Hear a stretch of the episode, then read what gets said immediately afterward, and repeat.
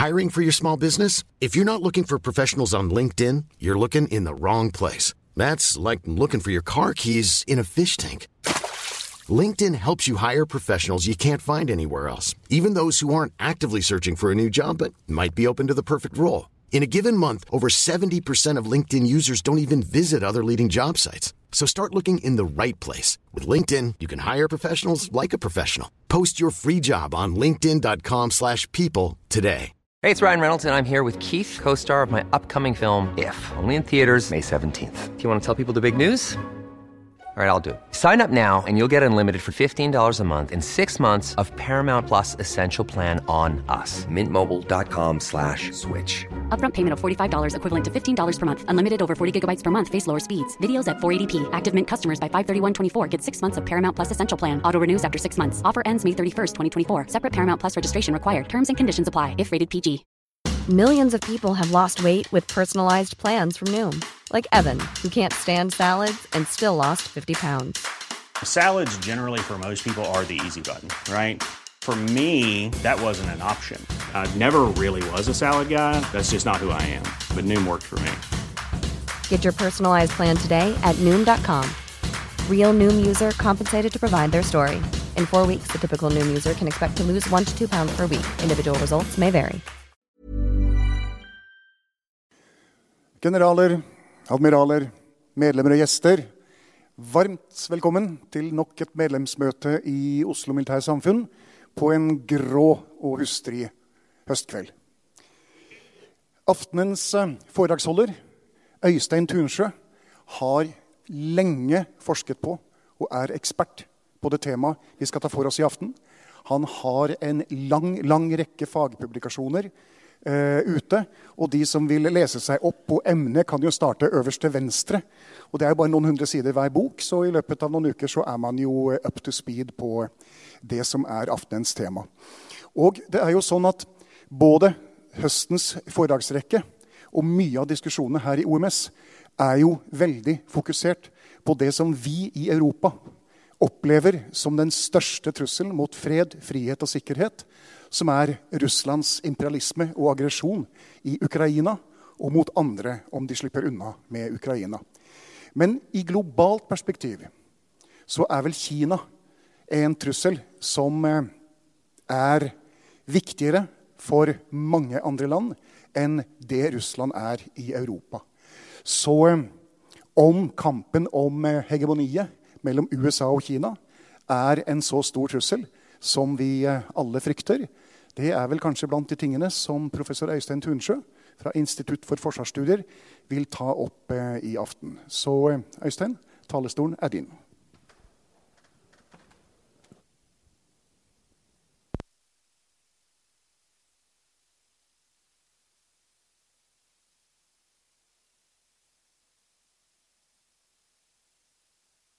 Ja, dere hører meg? Flott.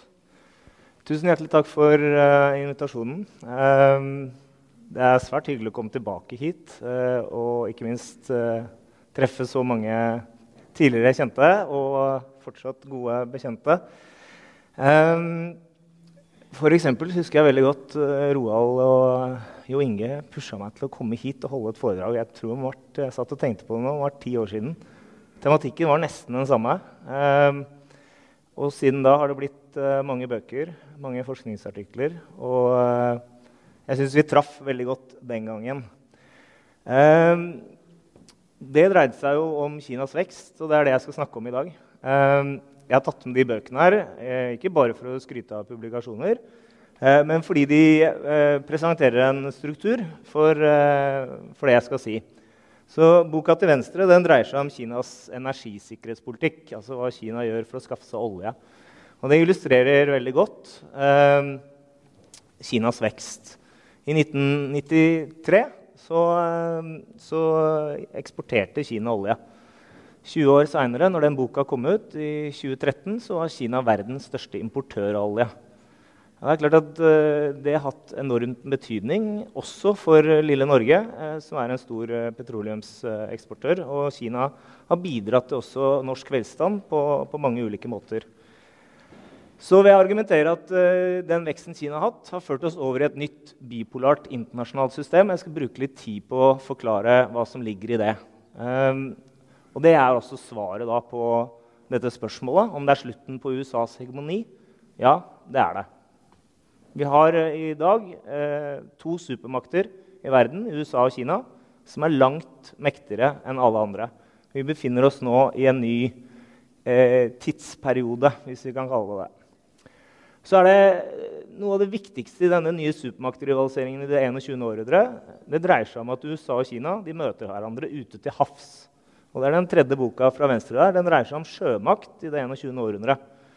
Og Det er den store forskjellen mellom USAs rivalisering med Sovjetunionen under den kalde krigen og USA-Kina-rivaliseringen i dag. De møter hverandre ute i det maritime. Eh, og det skaper en helt annen dynamikk mm, i den nye supermaktrivaliseringen som jeg skal bruke en del tid på å forklare. Eh, den neste boka som jeg også kommer inn på, eh, det er doktoravhandlingen min, skrevet om USAs Taiwan-politikk. Og det har heller ikke blitt noe mindre relevant. Taiwan er altså det viktigste konfliktspørsmålet i verden i dag. Det betyr ikke at Ukraina-krigen ikke er viktig, men det er et konfliktspørsmål hvor supermaktene kan komme i krig med hverandre. Skal jeg komme også litt inn på risikoen for, for krig over Taiwan. De siste tre bøkene dreier seg om implikasjoner og konsekvenser av denne nye supermaktrivaliseringen. Både for Øst-Asia-regionen og ikke minst for Europa og det transatlantiske forholdet. Og for Kina-Russland-forholdet. Det skal jeg ikke si så mye om, men eh, vi kan gjerne komme inn på det i spørsmålsrunden hvis, hvis det er spørsmål knytta til det. Så jeg blir stående her fordi jeg må trykke på den PC-en for å gå videre. Uh, uh, jeg tror en viktig, viktig hovedpoeng da, som jeg gjerne vil løfte fram helt til å begynne med, også fordi jeg er medlem av Forsvarskommisjonen, og jeg merker et veldig trykk på at nå er det alvor.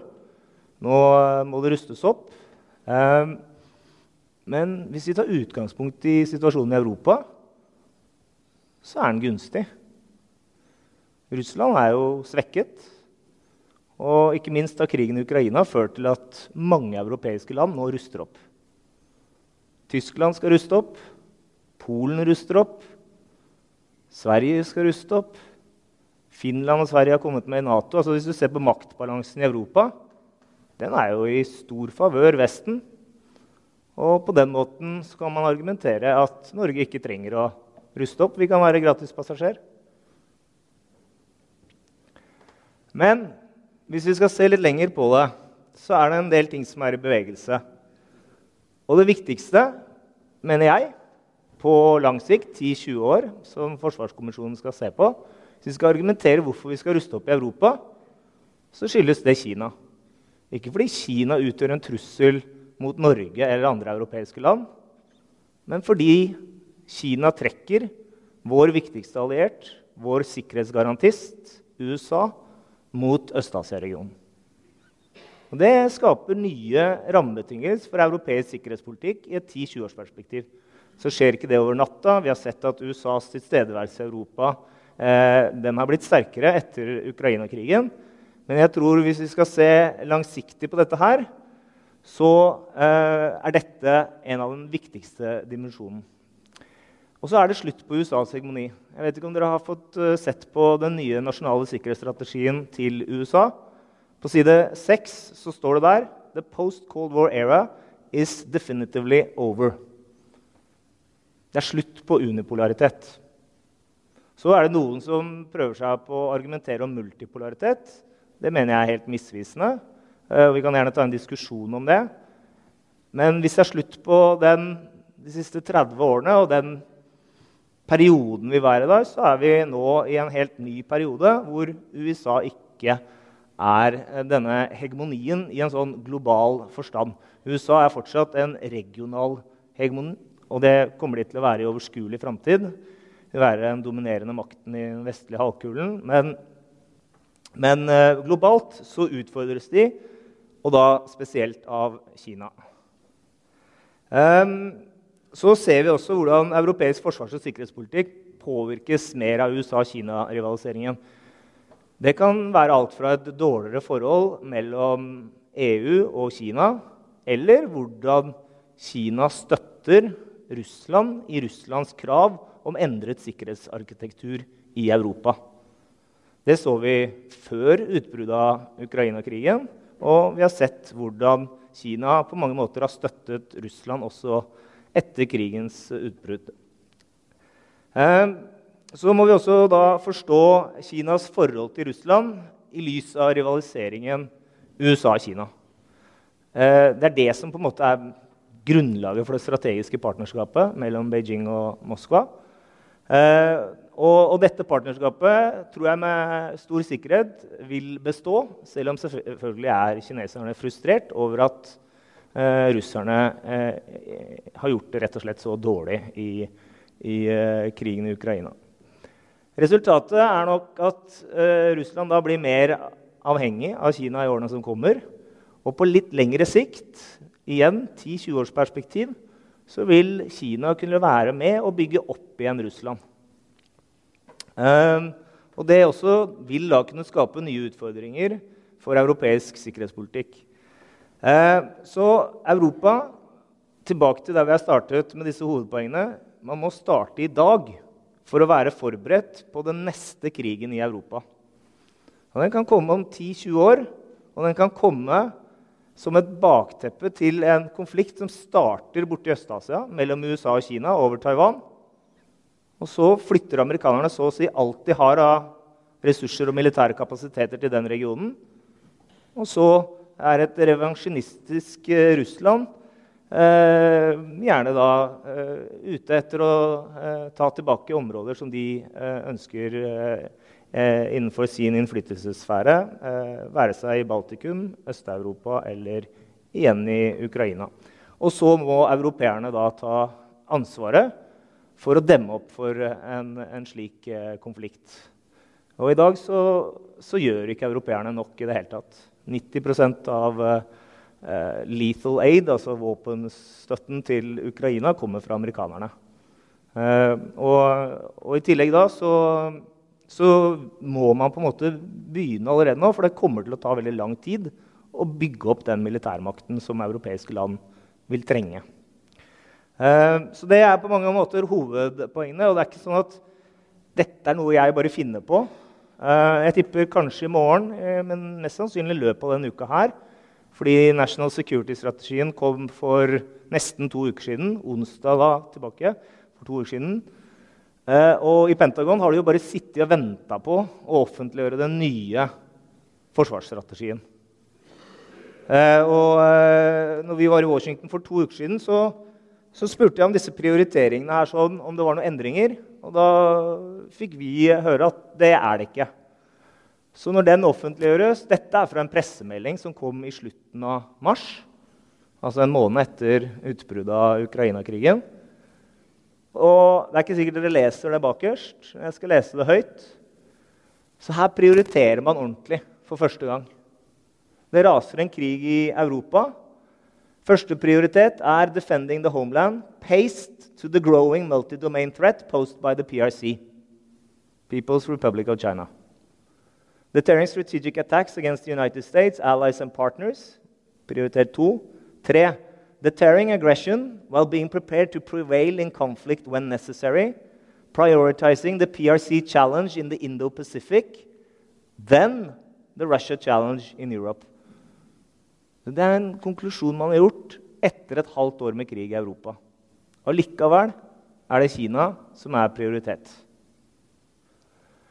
The department will act urgently to sustain and strengthen deterrence with the People's Republic of China as our most consequential strategic competitor and the pacing challenge for the department. Det går ikke an å si det tydeligere. Men igjen betyr ikke det at amerikanerne ikke vil være til stede i Europa. Men dette legger føringer for de neste årene og amerikanske prioriteringer. Og så er det da å forklare og vise til dere hvorfor er det sånn. Fordi det er ikke så mange som har fått med seg dette her. Og det overrasker meg. Så hvorfor er det sånn? Jo, fordi vi har vært igjennom en maktforskyvning som verden aldri har sett maken til. Aldri før i verdenshistorien har én stat blitt så mektig på så kort tid relativt til alle andre stater som det Kina har gjort de siste 20 årene.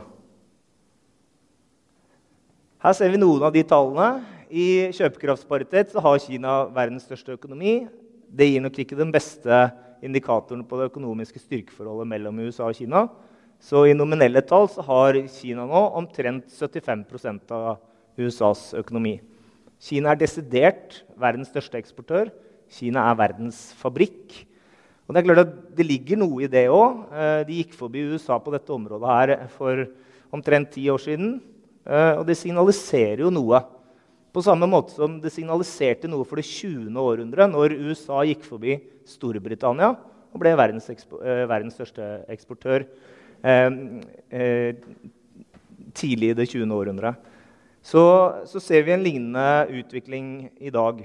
Det betyr ikke at det ikke er utfordringer med Kinas vekst osv. Eh, men, men Kina har eh, bygd seg opp formidabelt eh, økonomisk relativt til USA. Så gapet det, det, minsker, selv om Kina ikke er like mektig som USA. Så det er klart at det her spiller inn på forsvarsbudsjetter osv. Eh, relative andelen av forsvarsbudsjettene i verden så Tidlig på 1990-tallet hadde USA et forsvarsbudsjett omtrent 20 ganger større enn Kinas. I dag kanskje to til tre ganger større. Eh, en annen ting som igjen går litt på dette med hegemoni osv. Eh, og som ikke så mange fikk med seg. For ti år siden så begynte asiatiske land å bruke mer på Forsvaret enn europeiske land.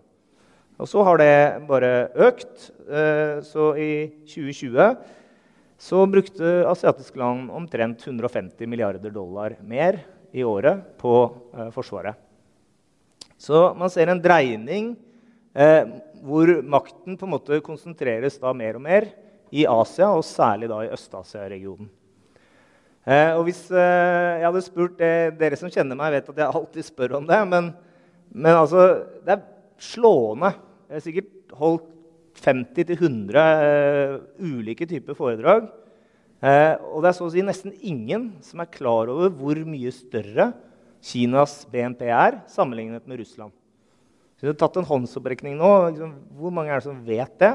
Så tror jeg det er veldig få som har rukket opp hånda. Og det syns jeg er litt skremmende, fordi uh, det vi liksom har snakket om de siste ti årene, er jo sånne ting som dere hører om hele tiden. Altså BRICS-landene og multipolaritet. Men det som har skjedd da, fra 2010 til 2020, er jo bare at Kina vokser fra alle, alle andre.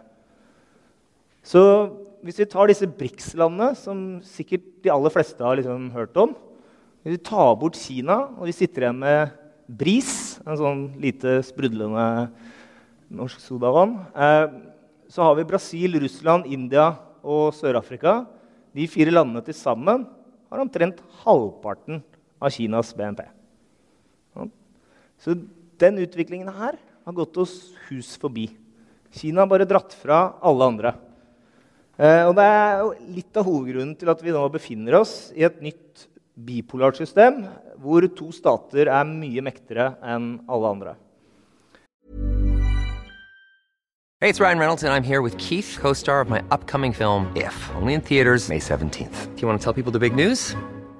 All right, I'll do it. Sign up now and you'll get unlimited for $15 a month in six months of Paramount Plus Essential Plan on us. Mintmobile.com slash switch. Upfront payment of $45 equivalent to $15 per month. Unlimited over 40 gigabytes per month. Face lower speeds. Videos at 480p. Active Mint customers by 531.24 get six months of Paramount Plus Essential Plan. Auto renews after six months. Offer ends May 31st, 2024. Separate Paramount Plus registration required. Terms and conditions apply if rated PG. Hiring for your small business? If you're not looking for professionals on LinkedIn, you're looking in the wrong place. That's like looking for your car keys in a fish tank. LinkedIn helps you hire professionals you can't find anywhere else, even those who aren't actively searching for a new job but might be open to the perfect role. In a given month, over 70% of LinkedIn users don't even visit other leading job sites. So start looking in the right place. With LinkedIn, you can hire professionals like a professional. Post your free job on linkedin.com slash people today. Og her ser vi også selvfølgelig denne dreiningen mot, uh, mot Asia-regionen. Men den økonomiske veksten Kina har hatt, også da målt opp mot disse andre statene så ser vi hvilken enorm utvikling det har vært. Eh, midten på 1990-tallet hadde Kina omtrent det samme forsvarsbudsjettet som Russland og India. Og omtrent halvparten av Japan og, og, og Tyskland. Og nå så har eh, Kina eh, femgangeren Japan og Tyskland og fire-femgangeren Russland og eh, India. Og dette får kineserne til. Det er veldig viktig å huske på ved å bruke ikke mer enn 2% av BNP på Forsvaret. De har masse å gå på. Vi kan liksom skru opp og bruke 3 og 4% Men jeg valgt altså, Nå har jo offisielt er de jo helt nede på 1,3 Men la oss si de bruker litt under 2% av BNP på Forsvaret i dag. Eh, og likevel så bare raser de fra alle andre. Og det har jo en sammenheng med den økonomiske veksten. Og så har ikke noen mulighet til å gå inn på alle de militære kapasitetene som Kina har utvikla i denne perioden. Men jeg har tatt for meg skipsbygging. Liker å trekke fram det nettopp fordi jeg sa innledningsvis at rivaliseringen mellom USA og Kina den foregår ute til havs i det maritime. Og Derav er liksom oppbygningen av en kinesisk marine den er svært viktig å følge med på. Uh, det vi ser her, er et uh, skipsverft i Shanghai Yangnan-verftet. Eh, og her ligger det en hel haug av fregatter, destroyere. Det røde der oppe bak der eh, var bygningen av det eh, eh hangarskipet, det tredje rekken, som kineserne nå driver og tester ut. Eh, det står 360 skip. Jeg burde ha retta det. De er allerede nå over 370. Eh, og det er en helt enorm eh, oppbygning. Eh, I tillegg så er det jo ikke bare at uh, de vokser i antall, men, men, flåten moderniseres. Og Pentagon eh, fremhever også at over 70% av flåten er, er, klassifisert som moderne. Og med dagens måte, vekst så regner man med at de har over 400 skip og, og kanskje over 100 ubåter i 2030. Eh, I tillegg så skal vi også huske på, fordi kineserne har tatt seg til rette med å bruke det de kaller en maritim milits. Altså de har brukt kystvakten sin, de har brukt fiskefartøyer, særlig da i Sør-Kina-havet, for å fremme sine interesser.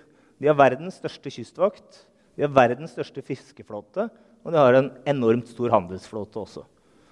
Så de er digre i, uh, i det maritime. Står det her nede 49 kommersielle skip 2018-2022. Hvorfor er det viktig? Jo, fordi en hel haug av norske redere har vært og bygd skip på dette verftet. Fra tidlig på 2000-tallet massevis av norske skip bygd her sånn.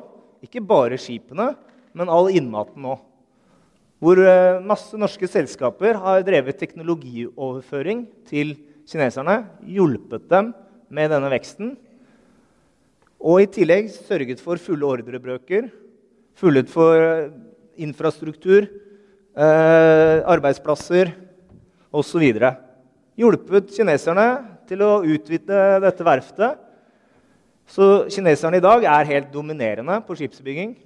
Eh, de har omtrent 70% Nei, 70, sier 40 av verdens skipsbygging. Amerikanerne 1% eh, Dette er tall fra 2019 eh, hva de bygger da overflatefartøyer. Og de bygger omtrent en norsk marine i kvartalet. Og det har de holdt på med de siste ti årene. Bare for å få litt sånn størrelsesorden. Amerikanerne Jeg sa kineserne over 270 allerede. Amerikanerne ligger rundt 290 skip. Så skal neste år amerikanerne ned med 24 skip. De skal avklassifisere særlig literal comeback-skipene sine. 16 av de, pluss 8 skip til. Så amerikanerne kommer til å dette ned til sånn 260-270 skip. Mens eh, kineserne begynner å nærme seg 400. Så er det ikke noen tvil om at den amerikanske flåten er mer teknologisk avansert. Hadde vi målt dette her i tonnasje, så hadde amerikanerne hatt en større flåte. Men eh, her er det såpass mange fra uh, Sjøforsvaret og, som kan uh, disse sakene, at ett skip kan bare være ett sted til enhver tid. Så kvantitet har en kvalitet i seg selv. Så når USA og Kina møtes ute i det maritime, så er det en utfordring for amerikanerne å matche dem rett og slett i alle disse farvannene. Og I tillegg så har amerikanerne det er vi glad for, de har globale forpliktelser. Så de seiler en mye mindre marine i målt i antall skip i Atlanterhavet, i Stillehavet, nei, i, eh, i Middelhavet og andre steder globalt. Som igjen gjør at de har enda færre skip igjen for å operere i Sør-Kinahavet, Taiwanstredet, Øst-Kinahavet, Gulahavet, Stillehavet, Indisk hav. Og det er en kjempeutfordring. Og så klarer ikke da amerikanerne å holde tritt med dette her. De får ikke til. De har hatt en ambisjon om å bygge en 350 skips eh, marine i mange, mange år. De får det ikke til. De mangler selvfølgelig verftene. Eh, men mye av dette enorme forsvarsbudsjettet til amerikanerne går til budsjetter, altså pensjoner. De har jo kriga i 20 år sammenhengende. Medicare, veteraner, eh, vedlikehold på en flåte som er relativt sett gammel i sammenlignet med kinesernes. Eh, også føderal gjeld osv. I tillegg så er det amerikanske forsvarsbudsjettet også tungt eh, liksom, på hærsiden. De skal ha sitt. Og hæren har ikke så veldig mye å gjøre i Øst-Asia og i denne rivaliseringen ute der i det maritime. Det kan vi være glad for, for den amerikanske hæren kommer da fortsatt til å se mot eh, det europeiske kontinentet. Så, så, det er på en måte den store utfordringen på akkurat det området. Så kunne jeg nevnt missiler, kunstig intelligens, masse andre områder hvor kineserne kommer som fullt. Men, men dette med skips, uh, skipsbygging og at Kina desidert har verdens største marine i dag, det er veldig viktig fordi rivaliseringen foregår i det maritime. Så i det store bildet så, så er det liksom Indo-Pacific, som amerikanerne kaller det. Og som jeg har sirkla inn her. Eh, og det som er viktig å forstå, er jo at maktbalansen i denne regionen det er liksom det som er grunnlaget for at amerikanerne prioriterer Kina. Ja. Hvis vi ser på BNP og forsvarsbudsjetter i denne regionen, Øst-Asia, men du tar med India og Russland i regnestykket, så matcher Kina alle disse landene til sammen i BNP og forsvarsbudsjett. Hvis vi ser til en annen region, vår region, så er det ingen stater som er i nærheten å dominere det europeiske kontinentet. Hvis Tyskland begynner å bruke 2% av BNP på Forsvaret, så får Tyskland alene et større forsvarsbudsjett enn Russland. Ja, Russland er ikke noen posisjon til å invadere det europeiske kontinentet og ta over på en måte makten i den regionen. Så i det store bildet så er det kun i Øst-Asia hvor amerikanerne trenger å konsentrere sin makt. Um, så Derfor så står USA i dag overfor den samme utfordringen som de gjorde ved starten på det forrige bipolare systemet. Da var det Sovjetunionen som var i stand til å dominere Europa hvis ikke amerikanerne var der så, som en maktbalanse. Ja, nå har denne dynamikken bare flytta seg til en annen region. Uh, og, og der er det geopolitiske bildet helt annerledes. Og fordi geopolitikken er annerledes, er også den amerikanske strategien annerledes. Strategien på begynnelsen av den kalde krigen endte man opp med dette man kalte for containment og oppdemningspolitikk. Basert på en teori om det man da fra geopolitikken kalte Heartland, med Kinder og den biten. Så man bygde et perimeter fra Korea mot Kina, gjennom Indokina, videre inn i Midtøsten og så gjennom hele Europa. Han prøvde liksom å holde Sovjetunionen innafor der. I dag så står man overfor en annen geopolitisk motstander. Kina er ikke heartland.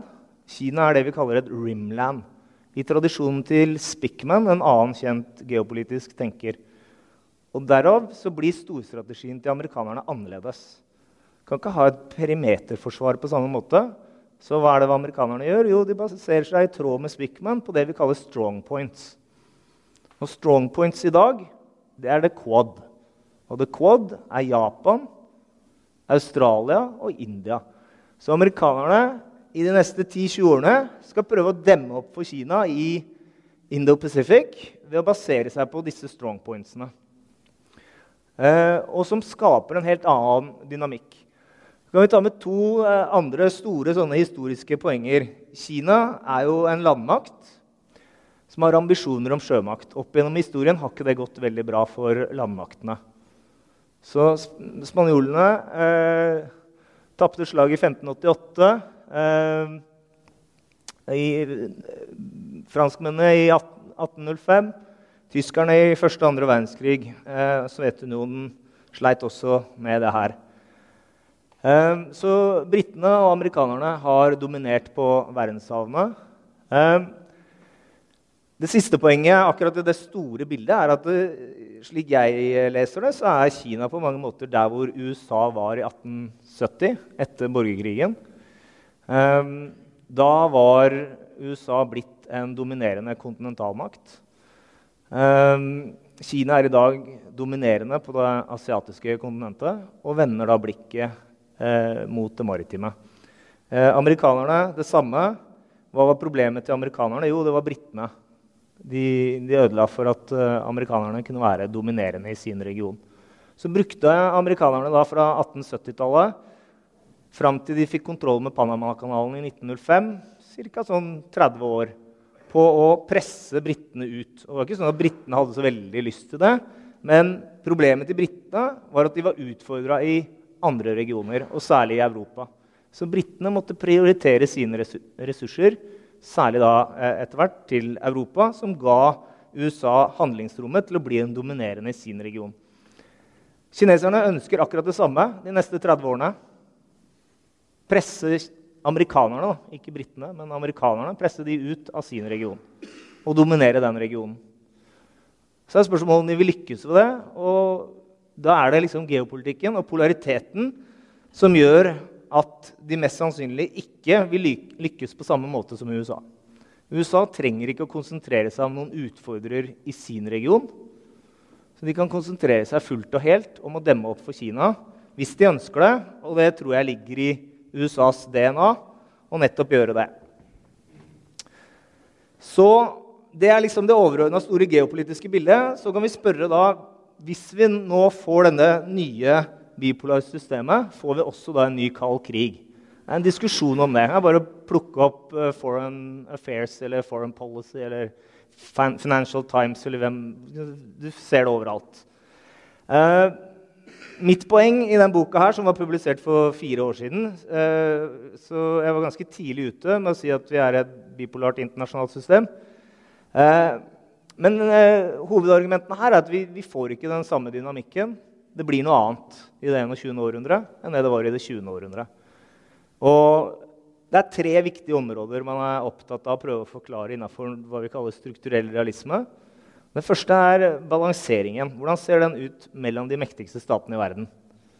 Og Under den kalde krigen var det et voldsomt våpenkappløp, en opprustning, eh, men samtidig en terrorbalanse. Og Det førte til det andre poenget, at den kalde krigen ble den lange freden. Det var en stabilitet i 40 år. Og den stabiliteten man hadde i Europa, medførte at man fikk en rivalisering i det vi kaller periferien. Altså Man fikk en rekke stedfortrederkriger. Fra Korea til Vietnam, til Afghanistan, til Angola osv. Så, videre. så det på en måte var kjennetegnene. Og selvfølgelig at det var et øst-vest-skille. Eh, en sterk polarisering. Eh, det vi får eh, i dag, er noe annet. Vi får ikke det samme våpenkappløpet. Som jeg var inne på, Kineserne bruker ikke mer enn 2% av BNP på Forsvaret. Sovjetunionen kanskje brukte så mye som 20% av BNP på Forsvaret. Eh, amerikanerne brukte opp mot 10% av BNP på Forsvaret. De er ikke i nærheten av noe sånt i dag. Så hele dette våpenkappløpet og opprustningen er annerledes. Hvordan kan vi forklare det? Og Det andre er jo spørsmålet blir det krig mellom USA og Kina. Så argumenterer jeg at det er ikke stor sannsynlighet, men det er en større sannsynlighet enn det det var i det forrige bipolare systemet. Hvorfor er det sånn? Og det siste er at jeg tror vi får færre av disse stedfortrederkrigene. Igjen, hvorfor er det sånn? Og Svaret på det her er ett ord, og det er geopolitikk. Og Derfor har jeg også utvikla den teorien jeg kaller for geostrukturell realisme. Fordi det var en som fant opp en teori som vi kaller strukturell realisme, som forklarte dette under den kalde krigen. Hvorfor denne dynamikken var sånn når det gjaldt opprustning, når det gjaldt stabilitet, når det gjaldt stedfortrederkriger. Og så sier jeg at denne teorien kan ikke sammenligne to bipolare systemer. Vi kan ikke bruke strukturell realisme, som var utvikla for å sammenligne et bipolart system under den kalde krigen med multipolare systemer som man hadde før den kalde krigen. Så jeg utvikler da denne teorien for å sammenligne to bipolare systemer som ingen andre har gjort før. Og Derav kaller jeg det for geostrukturell realisme. for jeg mener at Det er det viktigste. Det betyr ikke at det ikke er masse andre viktige forskjeller som gjør at vi ikke får en ny kald krig. Så Vi har en helt annen økonomisk gjensidig avhengighet, en globalisering, verdikjeder, en teknologisk utvikling, en annen ideologisk rivalisering. Massevis av disse tingene. Men det er geopolitikken jeg mener er viktigst. Så har jeg noen bilder som skal bare synliggjøre akkurat eh, dette her. Eh, det vi ser her, er jo på en måte Øst-Asia. Og det som er viktig i en geopolitisk analyse, det er å fremheve at ingen av USAs allierte grenser til Kina. Det er et veldig sånn enkel argument, men det er utrolig viktig, mener jeg. Og fordi det er vann mellom Kina og USAs allierte, om det er Sør-Korea, Japan, Filippinene, Australia eh, osv., så, så så gjør det fortsatt da er amerikanerne konvensjonelt overlegne Kina ute i det maritime. Så man frykter ikke Kina på samme måte som det man gjorde i Europa. I Europa så sto Sovjetunionen i en rekke Warszawa-paktland. Sovjetunionen grensa også til enkelte av USAs allierte. Eh, og det var et problem for amerikanerne fordi de var konvensjonelt underlegne Sovjetunionen på bakken i Europa. Og det skapte et våpenkappløp, og det skapte ikke minst eh, en, eh, en eh, avhengighet, holdt jeg på å si, eh, men i hvert fall at man blir baserte seg på det vi kaller da massive retaliation og mutually assured destruction, altså atomvåpen. Det var kjernen i USAs avskrekking på 1950- og 1960-tallet. Ble det justert litt med flexible response på slutten av 1960-tallet. Men kjernevåpen var ekstremt viktig gjennom hele den, andre, den kalde krigen. Og det gjorde at du fikk et øst-vest-skille i Europa som ingen selvfølgelig turte å krysse fordi det risikerte tredje verdenskrig med atomvåpen. Det skapte voldsom spenning og opprustning og en terrorbalanse men det skapte en stabilitet. Mens i Øst-Asia så, så, har vi det greiene her. Altså Helt annen situasjon. Det her er jo noen fiskebåter og noen kystvaktfartøyer, men det bare viser liksom hvilken dynamikk. Hver eneste dag så seiler det amerikanske og kinesiske krigsskip på kryss og tvers i Sør-Kinahavet, Taiwanstredet, Øst-Kinahavet. De seiler under, eh, under og over disse farvannene. Så det er ikke noe øst-vest-skille, det er ikke noe Berlinmur. Det er ikke noen prosentavtaler, det er ikke noen buffersoner. Det er ikke de samle snubletrådene. Amerikanerne har ikke sagt at uh, hvis dere som vi ser på det bildet her, invaderer Senkakuøyene, eller enda viktigere Taiwan, så gjengjelder vi et sånt angrep med atomvåpen. Nei, amerikanerne baserer seg på å stå imot et sånt angrep med konvensjonelle våpen hvis de intervenerer i det hele tatt. Jeg tror de vil intervenere, men det er ikke 100 sikkert. Men hvis de gjør det, så er det i hvert fall ikke med atomvåpen som eh, de avskrekker med i Europa. Og Grunnen til at de gjorde det med atomvåpen, var fordi de var usikre på om de kunne forsvare Vest-Europa fra eh, den sovjetiske armeen. Taiwan derimot har de fortsatt tro på at de kan forsvare med sjømakt og konvensjonelle eh, militære styrker. Og Det gjør at eh, atomvåpen får en helt annen rolle i den nye supermaktrivaliseringen i det 21. århundret sammenlignet med det 20. århundret. Og Det er grunnen til at jeg mener også at det er større risiko for eh, krig mellom disse eh, supermaktene. Så la oss si det blir en krig over Taiwan.